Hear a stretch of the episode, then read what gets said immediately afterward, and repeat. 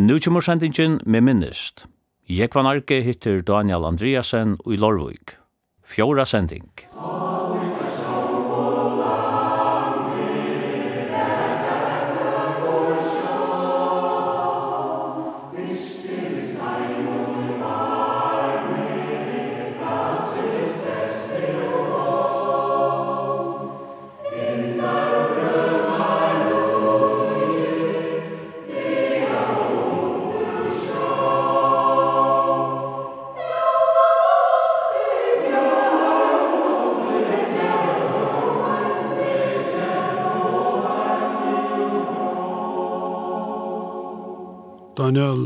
Du har nevnt at uh, du har eisene silt ute. Ja, det var så løy som at denne ser perioden av landskola landskolaffyrskittingene, og så nekra turar til kip som det forrige, var det sånn, jeg ville gjerne for ut å sykla. Og jeg prøver jeg å søke øyne ofte han jo nek, men det var ikke øyne ringt å komme ut. Og togjen er forrige ta akkurat og ikke særlig jeg var. Og vi hadde akkurat bygd noen hus, Sjálv var det kravdes penger til kvann det, for jeg kunne betale kvann sjukt. Den eldste sonen sjokken, Jørgen, Han var færre nyer av sjøfarskola. Han var liv i sjøfarskola, fikk så praktikkplass ved en røyerøye som et elitekipping. Jeg har prøvd å sagt kjøs en røyerøyene, men var han ikke gjøre. Så en av så tog seg vi han, han gikk av verden, her det var nøybygning han skulle vi. Han sier mer at her er en forninger som heter Inge Hansen, som skal være som kifor her, og han er lykkes som inspektør, sjøs en felan. Ja, han sier, det er jo spennende. Stolt at han, han er Inge Hansen, og by med rinja inn til Eliteshipping og ta seg vi en dame her og sier til at ikke Hansen sier det var ok. Den her damen hun heter Anette. Jeg ringer så sier vi Anette, ja, ja, jeg vet ikke hvordan jeg skal si etter her, men altså, jeg så ikke stær som jeg synes jeg og sånn som jeg ta seg en mann som heter Inge Hansen. Jeg visste ikke hvordan Inge Hansen var. Og han sier at det var i orden. Ja, men så kan du starte ved oss i morgen. Så lest kom jeg inn i leadership, ikke atter tilfeldig høytene som, som spalt og inn. Jeg skulle så nye til Tarvar og Ringkøping. Og jeg ser på alt som jeg skulle vi Tarvar bygde i Aarhus. Det var sin større. Og jeg skulle så nye til Aarhus nekka 17. Fanns ut her sin 17 at kiparen var øsneføringer. Og det var Jonna Luknegøtta som bor i Gøte, men var slekta ur Ronavik. Jeg får så av vikjenda Jan, til han er siltur i ruinen og kjente ganske sinte mer til at vi har syklet ute og det regnet for kalt han hette var diss og så skått han nekka ved skatte og forskjell. Jeg prata vi han og hvordan man fyrir helse og fikk alt her på plass. Det var ikke så at vi skulle bare inn til Aarhus og vi skulle være her i cirka halv annan måned og Arne Kipet ble livet og så fyllte vi til sørste som ble gjørst. Vi fikk en løylighet i Aarhus, bort vi havnen i Aarhus og det var øyelig sentralt Og vi får så i års verst, så gikk vi til her, og så begynte vi sånn at jeg får eika loter og annan bor, og det ble alt lagt opp av plåss og skrasett og sett ut teltene, så man visste akkurat hva man heie og hva det var. Det var veldig godt å være i årets av versten her. Vi slapp å eta sammen vi vidt over så løslinje her kvann det, altså vi fikk gå av mat. Og så hadde vi sintra forsku med vi som vi ut om kvaldaner i Jan. Og her var mitt landa en inspektør i Røysene, Han kom fra Skaken, og han bor sammen med oss. Så vi trykker huset av oss der og igjen en del av annan måned. Dette var ikke en øyla spennende oppgave. Jeg er så omgang silt vi tungolje før. Dette var første før jeg skulle prøve det, og, og kjente ikke noe til det. Vi tatt ikke an det av annan måned, så det var gøy tog jeg sitte til nøyta, og finne det hvordan rikker det er, hvordan høyt skal oljen være og anna. Og et anna som var øysen til at vi skulle få råkenskap i hvordan olje vi brukte. Det var vi jo ikke vann vi fra fiskeskip og anna, men Det var det her, det kunne sendes heimkvante, hvordan jeg olje vi brukte på det. Og jeg mener så diskuterer vi, vi tatt jo nok så store detankar, og det var en hundra tons. Så er Jan ble øynene av detankarne, det helt vidt utanfyr. Vi sendte heim, og ikke sier nek. Vi var vekk, vi trodde jeg måneder, vi var avmistra i Singapore. Og jeg kom heim at, nå ringer røyeren, Rino Lange etter. Og sier meg til, det mangler hundra tons olje. Det er jo av løye, sier du. Jeg har ikke alle lommene, jeg får for høym. Nei, det måtte være noen feiler og oppgjøren, sier han. Jeg sier, det var jo det vel hva det er, sier. Vi tar ikke råkna det han vi, og tar det hundra tons. Fyna som slett, så har jeg finnet tjekke på det. Hvordan jeg kunne få bøk først det. Det var en fyna tur, vi silte fra Aros, på røndartur her enn for det her, og så silte vi Soretter og til Singapore. Og fra Singapore opp til Sør-Korea. Det var sånn multipurpose-skip, det kallet, og silte øyne jeg vi prosjektlast. Henda turen minnes det vi var av fra Singapore til Korea. Vi skulle inn her, og så kom vi opp på møte. Nå er en generalstreik i Korea. Det vil si at vi slapp ikke av lastene som var utgitt til en bårplattform som var bygd her. Så fikk vi et telefax som spurte om vi selv kunne lossa etter alle lastene vi tatt. Vi skulle få oss sånn kvir til, og det er helt utvær å få en ekstra inntøk av få, altså vi sa det ja. Men da vi kom til Kai, og vi så Korea, Ta fikk vi da vita til at hvis vi begynte å lossa, så ble skipet beslaglagt. Så det ble ikke lossing av okkon, men vi lå i en aviko, og så lukka som gjør der undantek, vi tar kom ombord og tømte skipet, og så slapp vi det sted etter. Så vi mistet tar pengene, men det gjør seg fri, det var bedre for okkon å komme sted etter, og vi silte så faktisk tømmer at til Singapore, og vi avminst av oss i Singapore og for å høym. Og da minst jeg, Akona Jan, hun var vi i Øsne, da turen, og vi flo og høym sammen, derfor er den her. Ja, da vi ikke kommer hjem, nå ringer den til Annette Hevet at hun atter, og, og sier vi jo vi skulle atter låre oss. Så vi gikk atter og bo som løgnløytene, og i Angav og Mana, og så får vi stå av neste skip.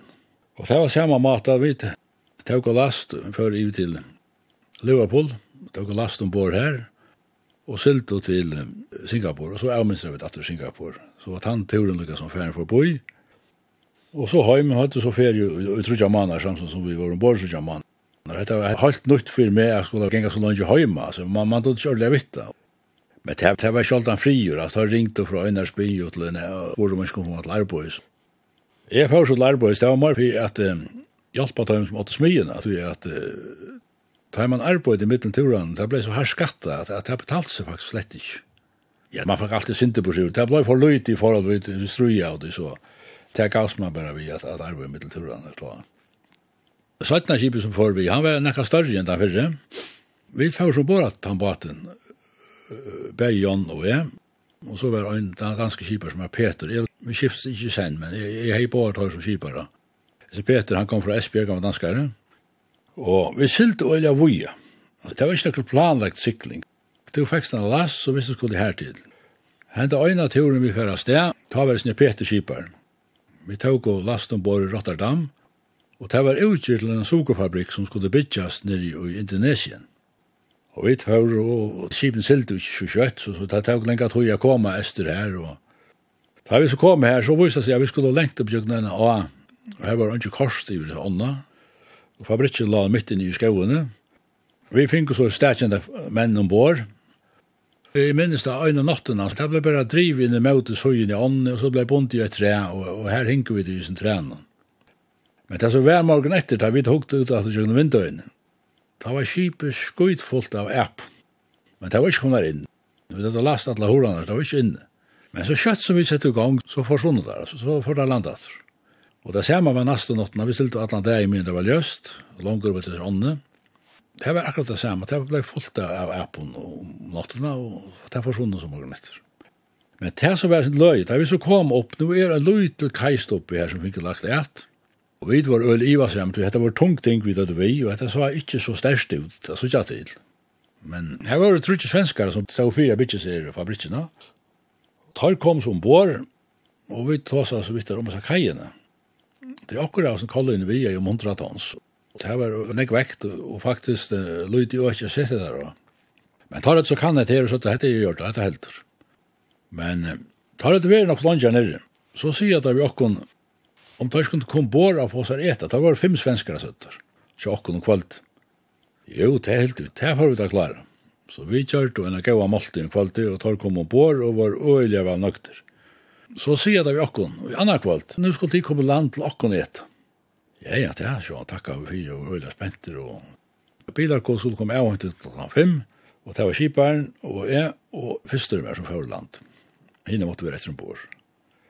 Og vi kunne sette oss i kipaner, og vi køyre åt lengt og anna brøyt, og vi suttje ånds, det er bæra trø. Det er en skau alt som det er. Og så mitt i høyla, nu koma vi inn i en slatta, og det er pura åpu, alt er rotta. Her er det løydel bygd, her er det der byggjes av fabrikkene. Vi koma så inn, og vi får eta, tar det just det med, det har vært gullash og kjøtt, og det smakka jo amyndelig godt. Og vi sjøt oss her lengt av kvalitet, men nu, nu høyra vi, her er pykka litt kyrkja, Men nå får jeg rinja i kyrkjene. Vi var forvis når vi kan det hette vær. Jo, det var så tid, nu er det brittleip. Vi får inn for jeg fylgja vik og så det gong fyrs.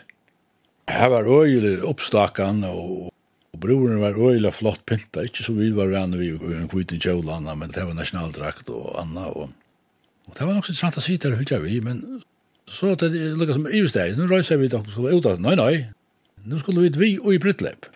Så vi enda vi i brittleip her i Indonesien.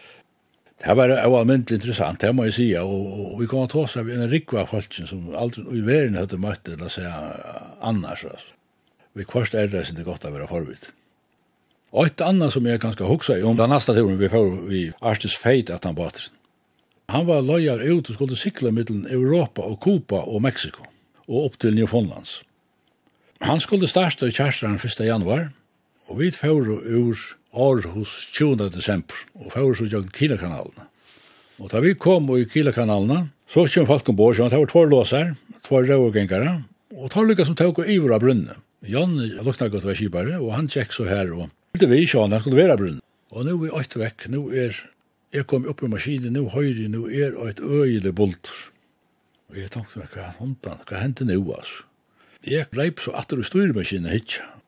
nu suttje er a styremaskinen, hon er i vinkel.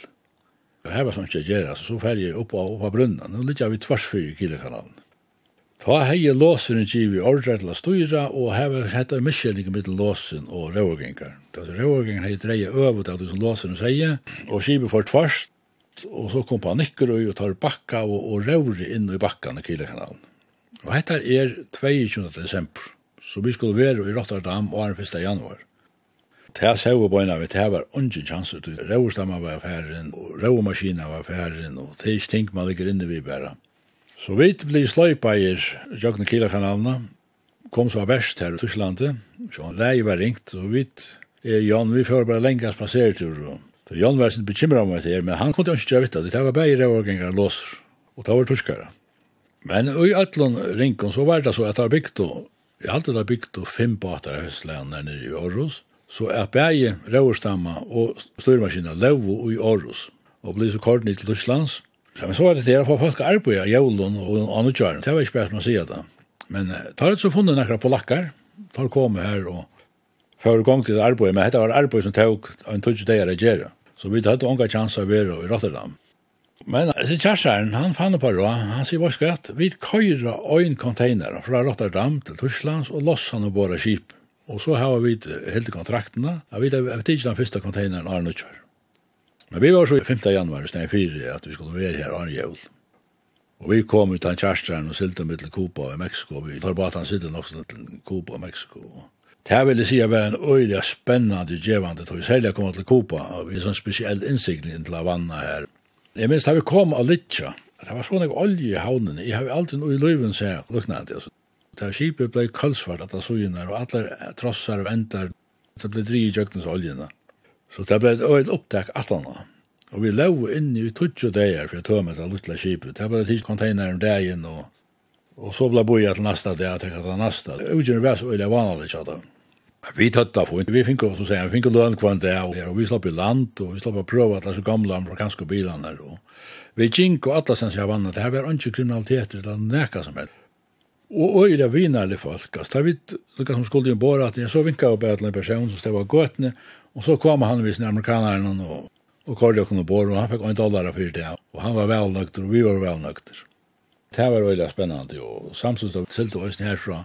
Måtte ikke komme inn i amerikanska havn til vi silt på Kupa, det var treitner da. Vi silt så opp til Halifax i stedet fyr. Det var viste som til at amerikaneren tar kordet bare vørene som tar skulle avskipa opp til Kanada og så ble det skipet han inn til Kuba, så kubanerne finket det at de skulle hava fra amerikanerne og lukka vel. Og så silte vi til på Mexico, vi var cruise i Mexico. Og vi skulle sikla nok så fast, men jeg lukka vel bare vart å øyla leia litt, men vi lødde mest til at vi lev under vera cruise, tar hatt åt skip sjolver kubanerne, som tar skilte vi i høysene, som roto. Hvis det var elve, så fyrir tar så lev det bare.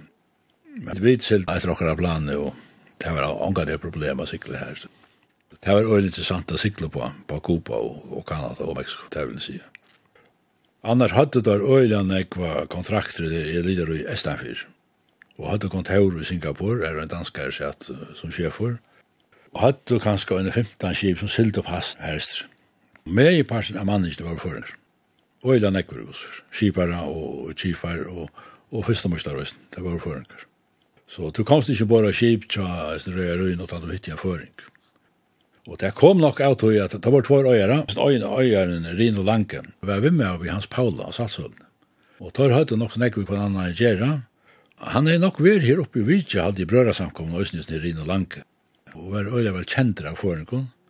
Tog jeg halda kom snakke forenkar, og øyne til at det er Annette Hewitt som satt vi bemanningen. Hon helt øyne til at forenkar var nok leia der for oss vi. Det var ikke det store røvlet om du skulle stå i det åren, eller at du ikke slapp heim akkurat han dagen som atlan var. Men hun røynti så vidt mulig å holde alle planer, altså.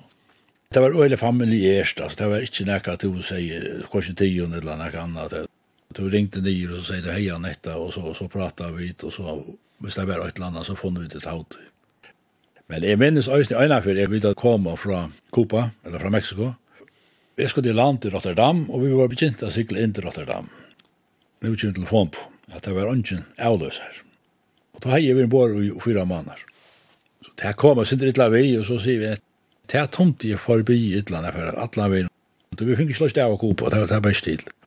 Og Mexiko var øyla riktig, så alle sa. Så vi skulle gjøre rundt, og så var det trutje måneder. Men jeg sier, altså, er ungen, ja, så er ungen, det er ikke sikkert gjerra vi til. Og jeg får så stedater, og var trutje måneder, så tanturen var knappa, tjejen holda og bor, og er i Amsterdam. Men det var så faktisk den sørste turen vi tøyslæren av skip. Det var så at åtte av dem røya røyene som var her fra heisen, og da hadde bygd, jeg hadde trutja bater. Det var nekka større enn en heser, det var bygd oppe i Fridshavn. Og det var den første baten som var bygd faktisk i Danmark, det hadde vaktfrutt maskinrum, og var øyelig her. Og jeg ble så spurt om jeg kunne fære ombord og en av sin baten, og som alltid så, så sier jeg, altså jeg helt at det var øyelig spennende for å prøve det her. Men for hun og eller kjøttet til at her var holdt utrolig av nekker alarmer, og vi okkar av nekker av neivur alarmer. Men det var sånn til treiten for jeg kunne hevda vaktfrut, at det skulle være så. Da det begynte å bytja skipene, ta ta sammen om seg her menner som skulle lese beid skipsfører og maskinmostare, og så skulle sitte på brunnen og passa maskineriet.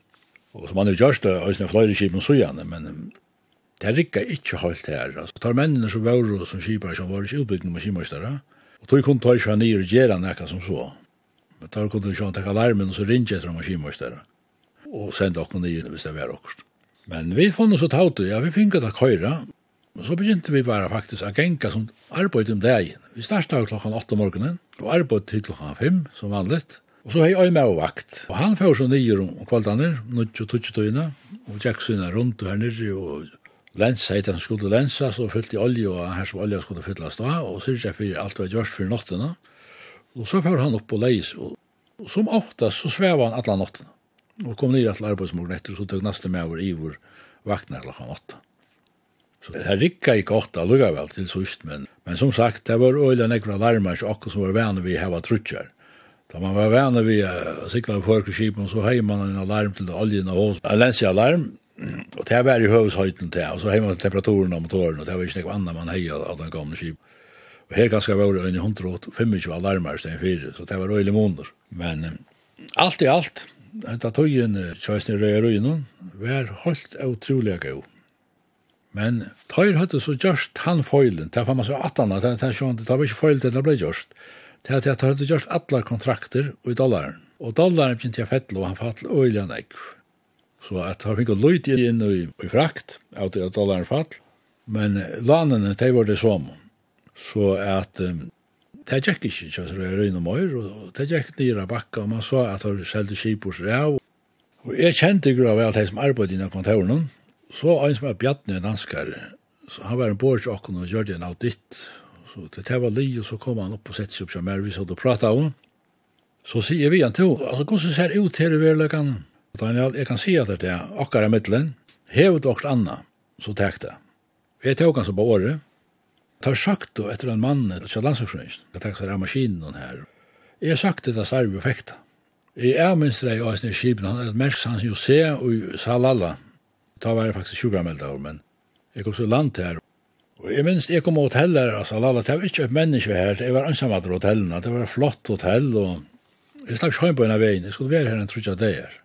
Og sjálvande mene vær her, så brukte man togina til at hitje på bojen, og jeg var gau strand, jeg la her sjåleimar òsne, og så minnes jeg en den dagen jeg la her, så knappt jeg hitje opp, så stendte fem kameler om den om svansna i sjåmar her, jeg ble ikke forskrekt, og jeg kjente jo ikke disse kamelene, og jeg slapp meg inn at hotellet, for jeg var innan dora.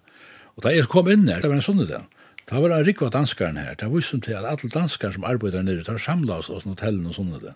familien her og autoen av alt det saman Så jeg sette meg bare saman med tøymen og få meg en god bit og komme og prata med nekvar av tøymen. Det var lukka som enden vi i Lidkjøping. At han var etter her, så, så han fikk etter starve til landsforsynningen. Jeg begynte på en av veien, men jeg hei ikke problemer det var at han var kommet hjem, så jeg enda i hospitalen. Problemet vi, vi blodtrysten, det var så forferdelig høyt, og Hetta måttar finne til, men det gikk rullet strilte, men tar funnet så taut, og jeg fikk som et sinfyr til, blodtrust ble kom nye, og, men tar vil du gjerne fylgja vittet, og det er veren ekko i familien tjokken vi problem om vi hjertan. Så tar var ikke bekymret i rommet der, og vil gjerne fylgja vi, så jeg gikk kontroll jaunan, og... Men jeg kom så atter av avtalen og for atter arbeid til landsforsøysen, og arbeid til en av tog. det var et døylt arbeidslås, og det var veldig glad for jeg var her. Men eh, så var det atter med gamle arbeidsforsøysen, så skal jeg kjipas mye. Nå så er ikke at høyre, ja, en driftsløyre til skal jeg kjipas mye. Jeg tog seg vi av vimman som jeg, som jeg har samband vi fra kvilten, Thomas Strandingur, eller skala med oss og bor av stranden, ja. Og han sier vimmen, du Daniel, tar mangla en mann av kipas kipasmin. Det burde vi nekka for det. Ja, det visste jeg ikke. Jeg kjente jo han her, det er nekka var sin evare kipasmin, jeg kjente ikke han det onkra, men ja, ja, men han sier, prøv, prøv å ringe til Gunnar, vite hva han sier. Og jeg ringer så til Gunnar Mård, jo, jo, tar mangla en mann, og om jeg kunne sende en omsøkn. Jeg sendte så en omsøkn og skriva i alt som jeg kunde skriva, og bare positivt, og negativt med røysene. Så ringte Gunnar Atlemøy og spyr, og han fyrir at tåsa vi omkring landsforhøysen, Eula Selatre, som jeg arbeidde under, og, og jeg var sin dreutålen, og Men så en dag så var jeg begynner å komme til havnar. det skal ha funnet vi med Gunnar. Og vi sitter og prater. Nå kommer Paul inn, og så spyr Paul hvor det er for meg over. Gunnar får ønske å forklare hvor det er, og etter her. Og... Jeg visste jo om Paul, så han, at han var skipasminne og skadet, det var en avskapping i middelen skala og skiva som inn i havn. Og, og så spyr Paul, altså, hvordan er atle jeg gjør hvis jeg kommer av skala? Og, og jeg sier vi han, ja, men jeg hørte om, om det samme i øyer, at det var kors som tvei kjølstå og arbeidsplås. Det vil si at vi kommer av bjøy på skip, og havnet kommer av bjøy på skip, og, alt det. Nå, nå, sier han bare, nå, nå. Så får han ha seg etter. Men vi ble så samtidig, Gunnar Mår og jeg, om å gjøre en avtale. Så nå er Paul Mår etter. Så sier vi men jeg har jo en bil utenfor som jeg øye privat, jeg, som jeg har brukt det med en arbeid til landslagsfrøys. Anna Korst må jeg selge han, et eller annet mot et ivtekken. Og så sier Paul hva det er for en biler, hva den kostar, og jeg sier så fint hva den kostar, og etter en bil som er setter i 18. Jo, vi kjøper anka bil vi setter noe i, så var det heller som ivesteg, men nei, nei, sier han, så selger han. Landslagsfrøyen har bjøst til å kjøpe han, altså, Tenk han inn tar å ta bruk for henne. Men så har han lyttet at han ikke matter, du, hatt i ordan, i bilen. Så var det i steg, så han kjøpt bilen, og, og jeg skulle ha bilen til, til arbeidsbil. Men eh, så han, vi tar han ikke det, øyne, når vi tog ut noen biler, og man bruker bilene privat og alt og annet, og det var øyne da. Det var øyne, det ble fyllt vel vi, og det hadde vi lykkes som glemt.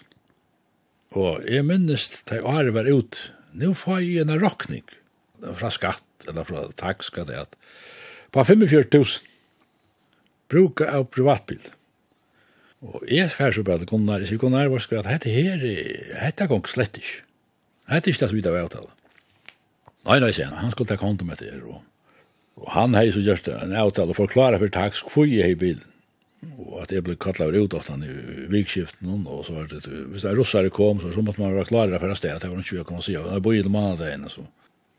Og jeg fikk så brev på at jeg har hei løyvi a bruka bilen, men det er 25 000 her, det skulle betalast. Så vi hadde ikke kjøkt en løyv. Men det ble så betalt der. Jeg betalt der først, men jeg fikk pengene rett fra kibasmin.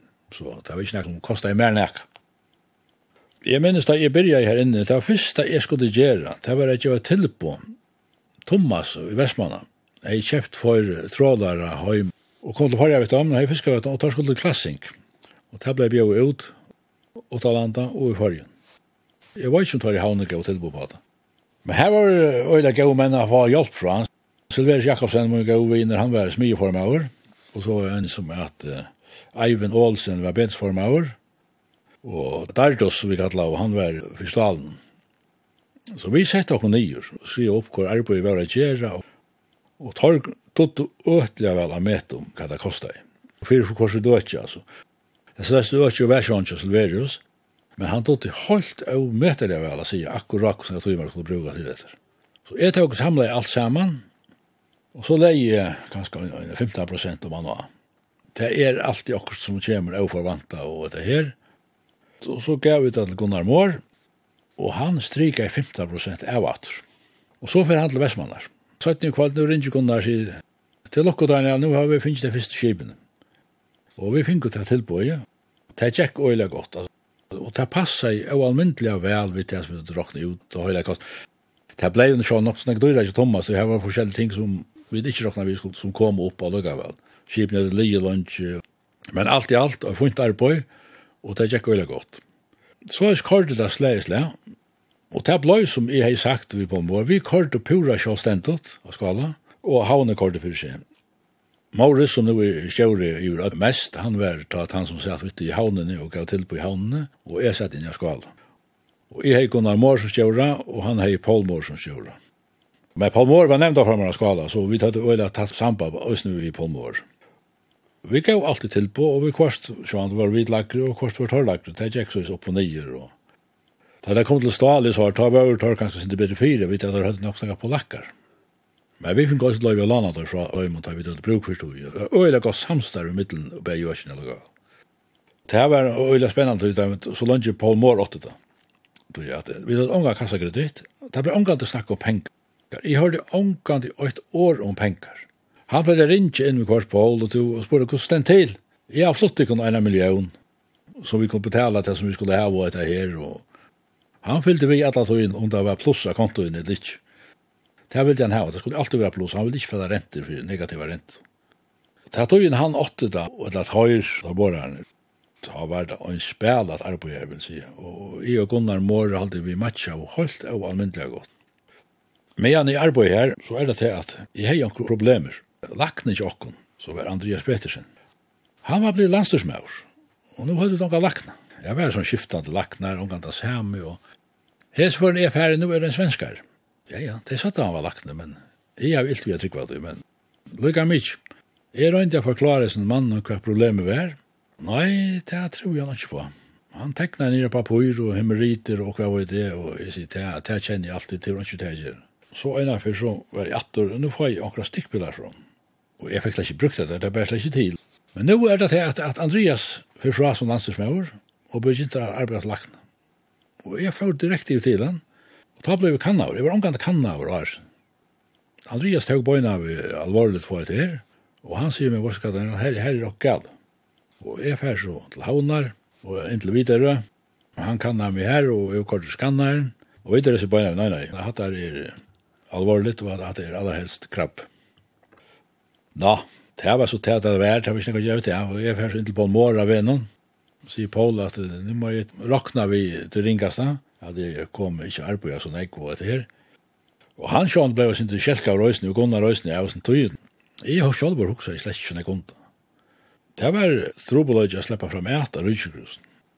Han sier med videre at han ville ikke bli redd at det var en større knut, og han var som en, en neve, og han sier tatt på enda tarmen, at, at hvis det kunne redda, så helt han var bedre at det gjørs nyrre. Men jeg skulle råkna vi å boja nok så lenge tog. Men lukka mig, jeg fær så nye til kanning, Lagt han nirre var i øyene, så jeg gikk ikke lunch. Jeg kom nyer her i julemåneden, og han sier vi med vår skatt, du kom nyer at du 1. juli, og vi opereret av bøyna vi.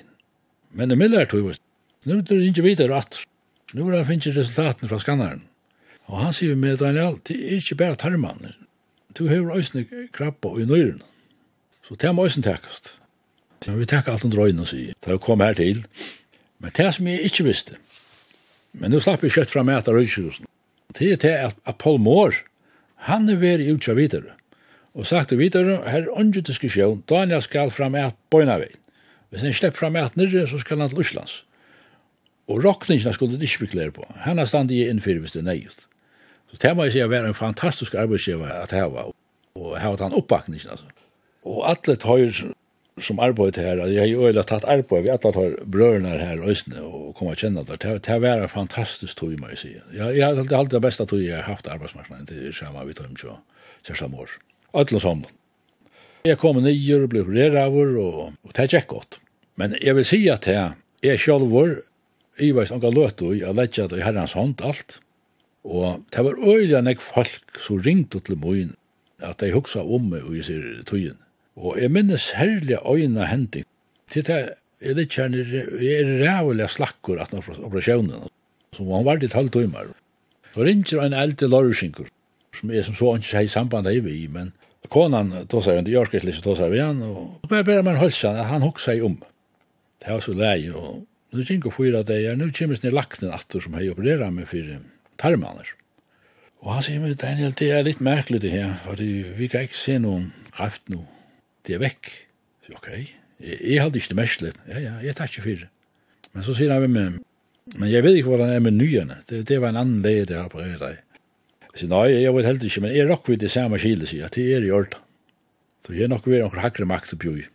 Og det er ikke trutje deg, nå kommer det ned i nøyralagt. Og det var en uslender. Og han er i sånn bøyene.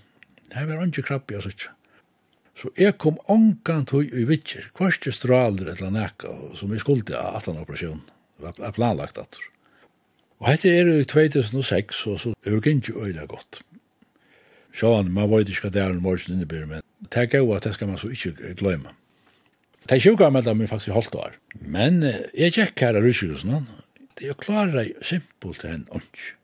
Det er rønt å gjøre meg forskjellige drittjer og så hvert, og så sier vi til henne for, altså, hei, ikke vi en idé å komme vekk fra sin sjukhusen sinne lukteren og suttja folk som genga ved stativi og alla somla tøyina. Det er ikke til at man blir bedre fyrir sig. Nei, det kom det ikke. Så sier vi til en ja, men altså konen som er i vann vi har passet på sjukfolk, og vi der er på et utanfyr, det var i alle rød vi skal færre, en løylighet. Og så kjekk det vidt litt her, og jeg vil påstand, at det er en etter vi var komner og jeg sier løylighet, når vi kom ut i havan her og fruska luft og så, så begynte jeg spekler i etter. Og så fikk jeg vidtjen av familien i Abadatrene, og det gjør det bare oppe til beter. Og da vidt at det var her i fem-seks dager, da var jeg bare blitt en halvbyrker. Så jeg får inn av rutsikkersatter, og så jeg visste om jeg kunne slippe hjem. Det var pura butt. Jeg kom genga inn i galven der, altså, og ikke stativ, og ikke nekka, og De tok så avmonteret av alle disse for skolen og sånn, det som var, og jeg helt at jeg skulle bo i tvær der, så kom jeg fra bo i atter. Og jeg kom så atter, Koren så det så øyla godt ut, og jo, jo, det var leie for høym. Så jeg for høym, og vi beie, og, og appa det var vi jo. Mamman kjenne, hun for høym i Norrland, og jeg vi at bilen som er her nere, så. Og så kom jeg høy til Lorvikar og Jack her, ganske en tver viker, så sier jeg, det var god talt i at jeg fikk et lærbo, så gengge her og med, det til han. Jeg ringer så til Gunnar og sier, Gunnar, hva skal jeg Gunnar? Jeg skulle bare begynne spekelig arbeid, jeg kan tvare så ikke at hun var nok så hvert. Og så ringer jeg til laknene nere i huset og spurte han om vi kunne fære. Ja, han sier, det, kan bare gjøre godt, sier han. Hvis du orskar der og slipper å gjøre det som du orskar, så kan det ikke være bedre. Jeg er ferdig så til Arbøys, da første dagen er arbeid i halvandet, det, og en vik, og så fører jeg på fotlatøy. Og så var det i Usteg, så arbeid i fotlatøy herfra. Og med av vi arbeid av skadesjøen, vi tatt øylinger repressioner, Men så var vi øylinger spenter på Rottmund Nilsen, borgarsjøen Rundavik. Han kom iver til okna skala, Gunnar og jeg var funnet av innan, a forhandla om økje som kipa som jeg stod av. Det var faktisk omganger blei regulera lojan av økjen, så jeg kipa som jeg ble bygd alltid. Rottmann helt at loja var nekka loa. Og det var Gunnar øyne i vinn at det sagt at regulerast. Men så sier Rottmann, men kvært vi at hit bare ivertekka kaikant, at hit omsida kajen, og det fengar jeg på en av vei. Det var en øyelig gau mål, just det var til.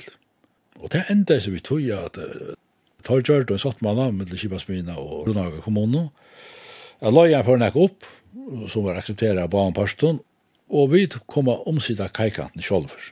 Det vil si, vi kom å bestemme en Kibasmina på litt her og når kunne føre fra. Tog at russerne var komne av fiskat under fargen, og jeg sa ikke så en møvla gå i at få der inne, om ikke annan så bare kjeipa fra og kunne litt av kaj. Så vi tar gau i 50 kroner dagen med det lau og kajpengen. Og det var nok så kjøtt at han første kom, og så kom det neste. Så dette ble faktisk en øyla gau forretning. Og av det samme fikk vi da kontakt med røyene. Jeg får så ivet til Murmansk, Avijador, og vi var øyne i St. Petersburg, og holdt seg på. Og fikk øyla godt samband med røyene, og enda vi fikk gjort faktisk fyra kontrakter på å lokkes i kjipene. Det var i okkara vi øyla gauar og ståra kontrakter. Et stårskip, og det var nekva gjerra, Og her var det så såleis at han vidde gjørst en sottmala om hva vi skulle gjøre, så var han bindant. Det er krevende til som stod av bottenlinjene, det var øysen til som var enda litt. Om en ting ikke var gjørst, så betalte det lukka. Så det var at jeg slått til alt torsk og betale, og det betalte det. Så jeg gjør det faktisk en avtale vi tar om bor, Tar vi det gjerne til å gjøre og sjølver.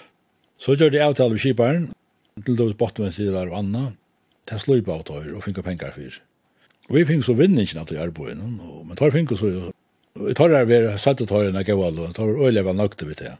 Og vi gjør så alt det vi maling og vasking og stalarbeid. Så alt i alt var det øyelig gav kontrakter, og, og det gikk øyelig godt. Det er året minnes dit da vi høyde russene, hørte vi et øyelig godt året i Kivas Kivasmine, det gav øyelig stort ivskott. Det var øyelig stort til arbeid. Det som var øyelig stort Det var det særlige formennene som jeg nevnte i Johanne. De var så positive og klare til å takke til høyren, altså. Samme vi alle med alle de folkene som arbeider her. Det var sluttelig, ja. Men sånn så hendte det at uh, jeg mest i Kosovo, her er en brøyding vi hentet. Det er så til at Skibavsen ble selt til å fele. Det var øyelig større brøyding. Åren hadde vi bare hokk som å skaffe arbeid og å gjøre arbeid og gjøre det så godt som vi megna på nekra mat og å få det bedre til. Men nu blev det til at vi skulle ha for renta, så snyggt lån, till kipas med en käpp för några pengar. Vi skulle ha et avis överskott og etter her, og det blev nudge folk. Det blev nudge nämndar för mig och det kip en nudge stjore. Det blev faktisk två stjorar. Det var Gunnar Mår og, og så Magnus Magnussen. Det var øyla öjla lätta samstarv i hessa männen. Jag kände båar og det gick fint, alltså det var inte det. Men det blev en annan tog. Det var ikke Paul Moore som ringte og sier at nå er vi flott under miljøen. Det var bare hivet inn det ble ringt og sier hvordan jeg millionen kunne flytta til okken. Men alle gav vel, det er så øyla løst ut, og, og jeg tror at Løsland ikke ble brøtt som så, kvart i havn et eller annet i skala. Og Løsland på arbeidet ble nøklen av den samme. Så vi arbeid øyla frutt, og vi røynte å skaffe noen arbeid som mulig, og det var kappingen med skiva som jeg stadigvæk. Nå er det det som hendte til, til at tar i havnene, hava vi samra vi Tor i Hesvik om at gjøre nekka nøybygninger. Vi var slett inn i ojes ned på ilaten, for knappt ja, en dag, nå høyre, nå skal skriva sattmal, og at batan skulle bytjas av skala. Nå, så blei jeg liksom att to var roi, altså først stanna standa fyrir i sin arbeid, og så og så, og... men det blei så løst, og vi får gang til oppgavene, så var det øyla nukt för okkon, og vi tatt ikke utgjørna til det da. Vi måtte gang til vi skaffa okkon utgjør, vi tatt sveisapparaten som var fra første trusjen og standande her, og de var slik slett nøymøte, så, så gav som det burde være til å brukt det i 2008, eller det var her løy. Men det var så at polakker skulle komme hjem, og smøye skipene, og de skulle bygge skala, og gjøre skrotjen av skala. Og så var det neste, neste løyker, det var det hvordan skulle bygge. Og det var sånn at ikke hus av skala som tekker alle seg mennene her, Ta hei anker finnes det gøy hos, Jeg vet ikke hva det var, om det var Tormund Johansen eller anker om at løye skip, og sløypa det heim og leggja det av skal. Og polakkane hadde vært vi og alle tilgang til alle tøyene, og, og tar ikke fullt innfysning, det helt var fint, altså slik. Tar fasiliteter som manglar blir gjørter, og polakkane bo om på det, har hatt sin egna kokk, klara seg selv. Det som vi hatt, og som så vi brygjane av tøy med nøybygninger, det var skjer at det stod alle til som skjøtt, og, og i det rekkefyllt så tar vi det havat. Annars stod vi tøy fyrir i öllum tøy som vi skrotjene gjerr. Så tammaten var en øyla løtt oppgave. Entil det kom til installasjonen, ta halde det vurste seg til at uh, vi kanskje hadde glopp på større bit. Vi måtte gå sur håken hjelp uh, til å utføre oppgavene, og vi ble nekka atter ut etter tøyer land. Men uh, her var alt, så, så ble skipet så mykje livet, at jeg kunne sikla ned til uh, Fåborg, og ble sandblåst. Men vi måtte sende folk nye her, bäj til å gjøre aptering innvendig, ja, og til å gjøre göra livet inn i maskinen i världstans. Men alt i alt, skipet ble lidgjørst og kom atter til skala og ble handlet til tårskipping. Og åttan at jeg har tåsa vid tår, men så er jeg rattliga sikker i at Tøyra finnes jo et fantastisk skip. til Det var rønstemt øyelig vel, og det er neivan rønst så vel hvis det var gjørst av talandet. Og for skibasmina, kanskje at det var ikke så gøy bit i penkom, men det var en gøy lærebit. Og ta i tar så for holdt ut av neste skipet, ta fikk i et annet starv, og det var strandfyrsel. Musikk